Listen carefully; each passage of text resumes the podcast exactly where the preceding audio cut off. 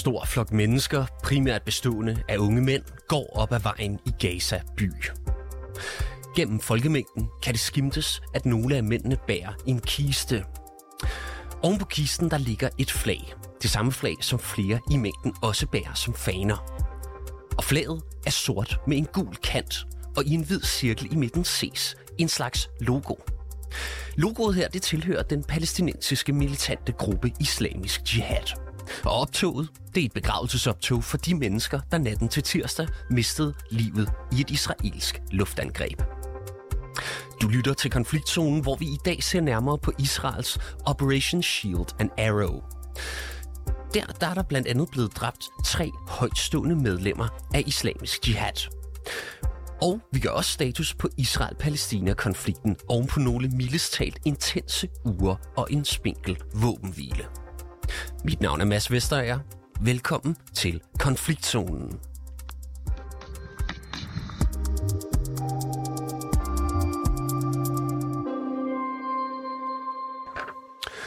Jotam Confino, velkommen til programmet. Tak skal du have, Mads. Du er freelance korrespondent for USA Today og The Times Radio, og du har base i Tel Aviv. Og altså, som øh, jeg netop fortalte her, så øh, har Israel altså i gang sat øh, den her Operation Shield and Arrow her natten til tirsdag mod Gaza. Hvordan udfoldede den, øh, eller det her israelske luftangreb så? Jamen, det gjorde den på den måde, at omkring 40 israelske kampfly og helikoptere, de indledte den her øh, militær operation i går nat, klokken 2 om natten. Øh, omfattende at så mange fly på én gang bombarderer på samme tid. Og det var jo selvfølgelig koordineret. Det var Israel, som havde nogle helt klare efterretninger omkring, at de her tre højtstående medlemmer af Islamisk Jihad, de befandt sig på nogle lokationer, hvor de mente, at de simpelthen kunne slå dem ihjel på samme tid og slippe afsted med det. Det øh, var så derfor, at de øh, udførte den her militæroperation. Det var en operation, som havde til formål at ramme islamisk jihad så meget som muligt. Så øhm, de her 40 fly, de øh, flyver altså ind over Gaza mere eller mindre på samme tid og bombarderer ikke bare de hjem, hvor de bor i, og hvor de slår dem ihjel, men de bombarderer også en masse militærposter, som tilhører islamisk jihad. Så utrolig omfattende angreb i Gaza, og noget, som kom som en overraskelse, både for Gazas befolkning, men i den grad også for islamisk jihad. Og som jeg beskrev her i, øh, i introen, så mistede altså i alt øh, mindst 13 mennesker livet i angrebet. Her blandt de tre primære mål for operationen, nemlig de her tre højtstående folk fra islamiske jihad, som den militante gruppe har bekræftet altså er afgået ved døden. Prøv lige at minde os om en gang, hvem det er, den her gruppe islamisk jihad, de egentlig er. Jamen, islamisk jihad er jo i virkeligheden den mest radikale af de palæstinensiske organisationer, som findes. Den blev stiftet i 1981, og den havde til formål at destruere staten Israel. Altså, islamisk jihad anerkender ikke statens Israels eksistens. Den mener, at den eneste måde, som palæstinenserne kan få en islamisk palæstinensisk stat, det er ved en væbnet konflikt. Og det har de så øh, simpelthen gjort siden da, forsøgt at bekæmpe Israel på alle ledere og kanter. Og det har de gjort på forskellige måder. Der har for eksempel været øh, selvmordsangreb, som var et middel, man brugte i 90'erne, og i starten 0'erne, hvor man sendte øh, selvmordsbomber ind i busser og sprang ja, busser og caféer i luften for at ramme israelske civile. Men man har også i senere år tydet til for eksempel raketangreb inden for Gaza. Så det er altså en palæstinensisk fraktion, som øhm, har hovedsæde i Gaza, men det er altså ikke dem, der styrer Gazastriben. Det er Hamas. Det er deres storebror, den større militære fraktion. Og øhm, som du også nævner her i indledningen, så er Islamisk øh, Jihad altså en organisation, som jo bliver anset for at være en terrororganisation, netop fordi at den har udført de her mange forskellige angreb mod israelske civile det sidste par år. Så EU, USA, Japan, Kanada, en lang række af de vestlige nationer og organisationer, de anser Islamisk Jihad som værende en, en terrororganisation. Og øhm, deres lederskab sidder faktisk ikke i Gaza. Deres allerhøjtstående lederskab sidder i Damaskus, simpelthen fordi de godt ved, hvor farligt det er for dem at være derinde. Altså, de ved godt, at de netop kan vågne en eller anden morgen, som de gjorde her forleden dag, og så flyver israelske kampfly ind over Gazastriben for at ramme dem. Så de har simpelthen hovedsædet i Damaskus. Men dem, der er lidt lavere rangerende, dem som vi så, der blev slået ihjel i de her luftangreb her forleden, de uh, opererer jo og har hovedsædet inde i Gaza og forsøger også at orkestrere, hvad der sker andre steder i de palæstinensiske territorier, såsom på Vestbreden og i Jerusalem. Og øh, de her tre mænd, som altså blev dræbt i luftangrebet, og som var en, en, øh, en del af, af målet her. Hvorfor var det det netop var dem, man forsøgte at ramme?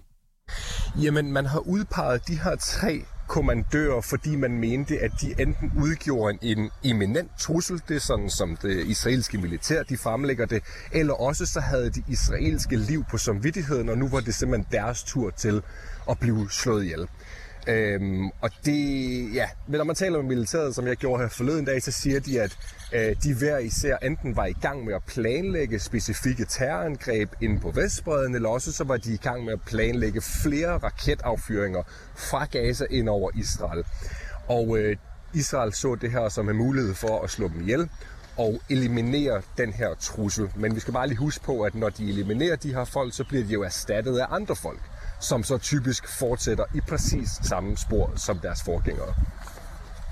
Men altså, øh, der er også blevet slået øh, civile ihjel under de her angreb. Ja, det skal vi lige huske at nævne, fordi Israel ser jo det her som en kæmpe succes, og det er, for, det, det er meget svært, tror jeg, for mange andre lande at forstå, når man ser på øh, tabstallene. 10 civile er blevet slået ihjel, inklusiv små børn og kvinder det er jo altså ikke øh, noget, som de fleste lande tror jeg, vil anse som en kæmpe succes, at øh, man slår 13 mennesker ihjel, og en tredjedel af det er kun en tredjedel af dem, som man rent faktisk vil slå ihjel, som bliver slået ihjel. Resten er collateral damage, som man kalder det. Så Israel ser det stadigvæk som en succes, og de siger, at de forsøger at gøre alt, hvad de kan for at undgå civile tabstal, men fordi at, at Gaza er så tæt befolket, som det er, når man udfører de her type luftangreb, så er der en mulighed for, at civile bliver slået ihjel. Men den chance tager Israel. Hvis man spørger palæstinenserne, så synes de jo, at det her det er en krigsforbrydelse. Det er civile børn og kvinder, som bliver likvideret, som intet har med noget af det, som islamisk jihad gør. Øh, de har intet at gøre med det. Og Israel bliver også fordømt altså for de her angreb, øh, og det er ret interessant. Det, det er nemlig ikke altid, at Israel bliver fordømt, når de opererer ind i Gaza. Det kommer lidt an på, om de svarer igen på nogle raketangreb, eller hvad det er, at Israel gør. Men fordi at det var dem, der ligesom lavede det her overraskelsesangreb, og der var så mange børn og kvinder, der døde, så er de altså blevet fordømt øh, både af FN, men altså også Ægypten, som jo plejer at være en maler mellem Hamas og Islamisk Jihad og Israel. De er også blevet fordømt til Tyrkiet og Emiraterne, så Israel er ikke populær lige nu, for at sige det mildt, øh, efter de her luftangreb. Altså de israelske myndigheder, de har jo øh, Øh, de meldte jo ud her i går tirsdag, at de forventer, at der bliver, bliver affyret raketter fra Gaza mod Israel som en del af et modsvar. Hvordan mærker man så det i Israel lige nu? Jamen, øh, det er jo stillhed før stormen, tror jeg, er den bedste måde at beskrive det på. Kort efter, at Israel har udført de her luftangreb i går nat, der instruerede militæret alle de folk, der bor omkring Gazastriben til at øh, for det første holde sig tæt på bombesikrede rum. Det var sådan det første, der som blev instrueret, men de opfordrede også dem, som bor dernede, til at simpelthen evakuere, hvis de har mulighed for det. Altså at simpelthen tage op øh, til deres familiemedlemmer, som måske bor andre steder i Israel, hvor de kan være mere i sikkerhed. Og det førte til altså over 2.000 øh, israelere nede langs Gazagrænsen, de er evakueret. Altså det vil sige, at de er simpelthen, blevet, simpelthen taget væk fra Gazastriben, fordi de var bange for, hvad for nogle angreb, der ville komme. Jeg beklager lige, der er lidt øh, baggrundsstøj. Jeg er ude på gaden, så vi næsten kan regne ud. Men øh, det, han er kørt forbi nu. Nå. Øhm, hvad hedder det? Så, så det, på den måde, så er det jo stillhed før stormen. Det interessante er, at Israel øh, ikke har mærket nogen, noget modsvar endnu. Det vil sige, der har været sådan en nærmest en psykologisk krigsførelse fra islamisk jihad og Hamas' side siden i går morges. Netop fordi, at de begge to var ude og sige, vi kommer til at svare igen, det bliver omfattende, det bliver koordineret, og Israel kommer til at fortryde det her. Så Israel har jo været i højeste alarmberedskab nu i over 24 timer. Det vil sige, at man har altså aktiveret øh, missilforsvaret selvfølgelig hele vejen ned langs Gaza-grænsen. Man øh, kigger også på grænsen oppe nordpå til Libanon og Syrien, fordi man frygter, at der muligvis kan komme en gengældelse fra den grænse. Og samtidig så er folk heller ikke i skole. Altså børnene er, bliver holdt hjemme her til morgen. Øh, det gjorde de også i går morges. Det vil sige 300.000 børn er mere eller mindre på standby nu og er ikke øh, i skole. Så det er øh, omfattende ting og ændringer, som Israel foretager, når man mener, at der er en imminent trussel i form af et mod, modsvar eller et modangreb fra islamisk jihad. Prøv lige at kort at sætte nogle ord på, hvilken type modsvar, og, og hvilken skala, kan man sige, man forventer, der, øh, der kan komme? Altså, Israel ved jo, at hvis Hamas blander sig, det er simpelthen den, den, den vær, det værste udfald. Fordi Hamas er en efterhånden en stærk militant gruppe, og Israel anser også Hamas for at være en, en terrorgruppe. De har tusindvis af forskellige typer af missiler. Både nogle, der kan række utrolig langt, nogle, der kan ramme kort, men de har også det, der hedder anti-tank-missiler.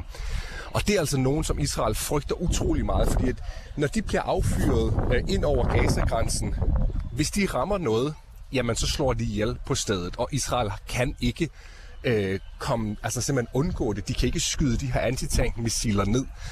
Så det er noget, man er super bange for. Man er virkelig, virkelig bange for, at Hamas de blander sig i det her. Israel forsøger at holde Hamas udenfor. Man siger til dem, prøv at høre her, vi har kun ramt islamisk jihad-mål og islamisk jihad medlemmer. Vi har ingen interesse i en konflikt med Hamas. Men det er jo Hamas' suveræne territorie, det her, så de har også noget stolthed, og de har noget, som de skal leve op til i form af at være beskyttere af det palæstinensiske folk inde i Gaza. Så det Israel frygter lige nu, det er, at Hamas blander sig, at der bliver affyret enten antitank eller raketter øh, fra Gaza, men også fra Libanon og Syrien. Altså, der simpelthen kommer en multiarena, som man kalder det, med forskellige angreb på forskellige øh, grænser øh, langs Israel. Og det er, det, det er virkelig et mareridt scenarie, for det er meget, meget svært for Israel at bekæmpe øh, tre forskellige fløje på én gang.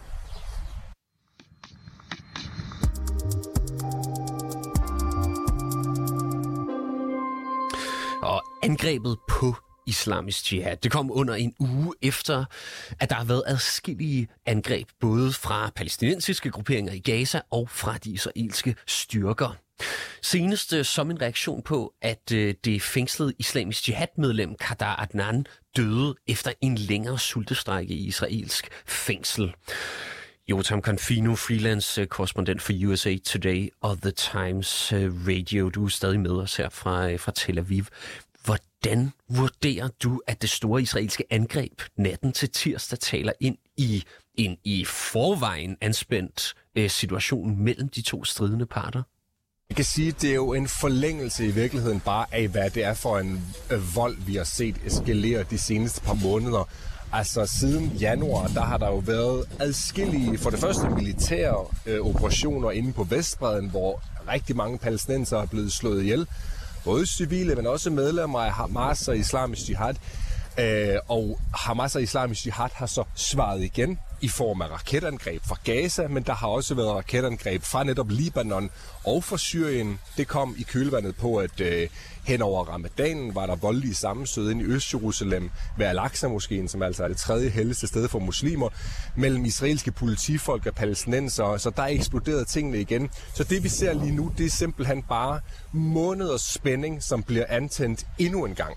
Og det vi så i sidste uge var meget voldsomt. Altså over 100 raketter blev affyret på 24 timer, som modsvar på, at en palæstinensisk islamisk jihad-fange han døde efter sultestrækket, og de anklagede Israel for at være ansvarlig for det her, altså at være ansvarlig for hans velbefindende og for hans ja, ja, fysiske velvære. Så øhm, det her angreb, man kan sige, det øh, skaber kun endnu mere uro. Det bringer os kun endnu tættere på en eventuel krig. Og Israel og Hamas og Islamisk Jihad siger alle sammen, vi er klar til det værste. Og man kan sige, det er måske sådan lidt standard retorik fra parter, som er involveret i konflikten. Men der er altså noget om snakken den her gang, i den forstand, at Der er mange, der mener, at det er simpelthen bare et spørgsmål om tid, inden vi ser endnu en større Gaza-krig. Ikke bare en 24 timers eskalering med nogle raketangreb, men altså en længerevarende kampagne, hvor det israelske militær omfattende går ind i Gaza, som de gjorde for for mange år siden, det var i 2014, at de sidst lavede en landinvasion.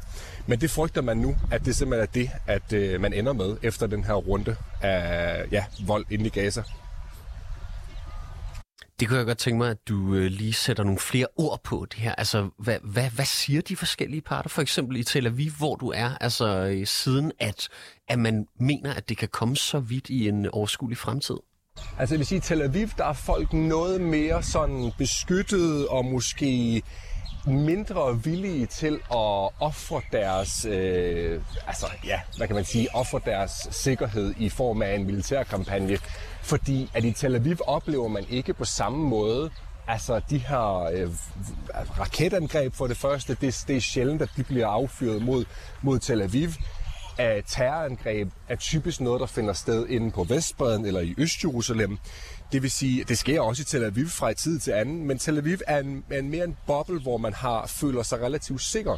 Det vil sige, spørger du folk i Tel Aviv, så er jeg ikke sikker på, at de er klar til at man skal simpelthen indlede en militær offensiv, en eventuel landinvasion af Gaza. Fordi mange af dem, som bor i Tel Aviv, deres børn er i militæret, de har ingen interesse i at se dem skutere ind i Gaza og sætte livet på spil. Fordi når først man i gang sætter en landoffensiv, ja, men så betyder det høje øh, tabstal på Israels side og i den grad også for palæstinenserne. Hvis du spørger folk, der bor nede langs Gaza-grænsen, så er det noget helt andet. Altså, de er vidderligt klar til det her, fordi de oplever de her raketangreb så tit. Altså som i på ugenlig basis. Og mange af de børn, der bor dernede, er ramt af posttraumatisk stress, fordi at de er vokset op med at skulle løbe i bombesikrede rum øhm, og, og, og kan huske de her raketangreb hele deres liv. Så deres forældre er så trætte af situationen og er så sure på regeringen over, at man ikke kan formå at skabe fred øh, nede langs gasegrænsen, så de advokerer faktisk for, at man simpelthen bare skal gå i krig. Altså få det overstået, for det er bedre at gå ind og være i en væbnet konflikt en gang for alle, som de siger, end det er at blive ved med at være i sådan en status quo-situation, hvor man har raketter regnende ind over sig en gang om ugen. Så det er meget forskellige holdninger, folk i Israel har, netop fordi, at de bor forskellige steder og oplever øh, Israel-Palæstina-konflikten på meget forskellige områder. Hvad siger Netanyahu-regeringen så til den, øh, den nuværende situation også her efter angrebet? Ja, det er måske i virkeligheden det mest interessante. Det er jo, det her det er også meget politisk lavet. Altså, vi, vi skal huske på, at Netanyahu-regeringen er den mest højre ekstremistiske regering, som nogensinde har siddet i Israel. Den består af en lang række meget højreorienterede ministre, som har lovet israelerne sikkerhed. De har lovet, at man vil likvidere Hamas og islamisk jihadledere, hvis de så meget som vågede at affyre en enkelt raket mod Gaza, så snart at den nye regering den blev dannet. Så de har været under pres netop fordi de ikke har gjort det her. De har ikke levet op til deres, øh, altså til, til, til deres øh, hvad hedder det, valgkampagne og alt det, de har lovet. Tværtimod faktisk har der været måske mere vold og flere raketter affyret de sidste par måneder, end der har været i mange år. Så deres, øh, dem, der har stemt på dem, deres vælgere, er rasende på dem. Øh, og det har skabt stor intern splid i regeringen, for Netanyahu er en mand, som ikke er særlig risikovillig. Han har ikke lyst til at gå ud på alle mulige militære eventyr med store risiko. Han er faktisk meget konservativ. Men mange af dem, han sidder i regeringen med, har sagt til ham, det kan simpelthen ikke passe, at der bliver affyret 104 raketter, og det eneste vi gør, det er at bombe et par tomme militærposter igen. Derfor ser man så også den her reaktion nu. Der er mange, der siger, Øh, det er en blanding af en politisk ladet beslutning, men også en militær interesse, at man, at man foretager den her, de her omfattende luftangreb, som man gjorde forleden. Fordi Netanyahu bliver nødt til at tilfredsstille de øh, regeringsmedlemmer, medlemmer, han har. De har troet med at forlade regeringen, hvis man ikke slår hårdere igen ned på raketangreb fra Gaza. Øh, så, har, så, så Netanyahu går ud og siger nu, der er ingen, der skal tro os. Øh, ingen er immune hvis der bliver affyret raketter, så skal I bare vide, at den konsekvens, der kan komme, det er, at vi eliminerer jer. Vi er ligeglade med, om I er den øverste leder af Hamas, eller om I er en eller anden lavere rangstående, øh, lavere, lavere stående øh, officer, som er ansvarlig for nogle forskellige terroraktiviteter. Ingen er immune. Så han sender nogle meget stærke signaler nu til begge grupperinger om hertil og ikke længere. Hvad holder du så selv ekstra øje med her i de her dage oven på den her eskalering af hele situationen? Jeg vil sige, det jeg holder nok allermest øje med, det er øh, Hamas. Hvad er det, Hamas de signalerer? Og hvad er det, at de eventuelt kommer til at gøre? Hvad for, hvis de blander sig, som i sig selv er alvorligt, hvordan blander de sig så? Fordi det har også noget at skulle have sagt. Hvis de simpelthen orkestrerer et eller andet angreb, som ender med at slå israelere ihjel, så kommer Israel til at slå utrolig hårdt igen. Hvis de affyrer nogle raketter, som bliver skudt ned, så kan man sige, det er mindre alvorligt. Øh, det kan godt være, at de stadigvæk blander sig, og Israel bliver nødt til at reagere på det, men det er mindre alvorligt. Så det, jeg holder øje med de her dage, det er, hvad foregår der langs øh, grænsen til Gaza? Er der nogle, øh, nogle angreb, der bliver udført, som kommer til at slå nogen ihjel? Men også, hvad, hvad for nogle andre aktører i regionen blander sig her. Vi ved jo, at Iran er en stor støtte af både Hamas og Islamisk Jihad. De vil meget gerne have til den her konflikt og håber i virkeligheden på, at det hele det eksploderer. Og så har man øh, Irans forlængede arm, Hezbollah, som også bliver set som en terrororganisation i Libanon, som har sagt, at vi giver vores fulde støtte til palæstinenserne. Vi er klar til også at hjælpe dem. Så der er flere forskellige ting, man holder øje med. Spørgsmålet er, hvornår det her gengældelsesangreb vil komme, for det er nok det eneste, vi ved er sikkert, det er, at det vil komme. Om det bliver i dag eller i næste uge, det må tiden jo vise. Tak, Jotam Confino. Mange tak for din medvirken her i dag. Det var så lidt.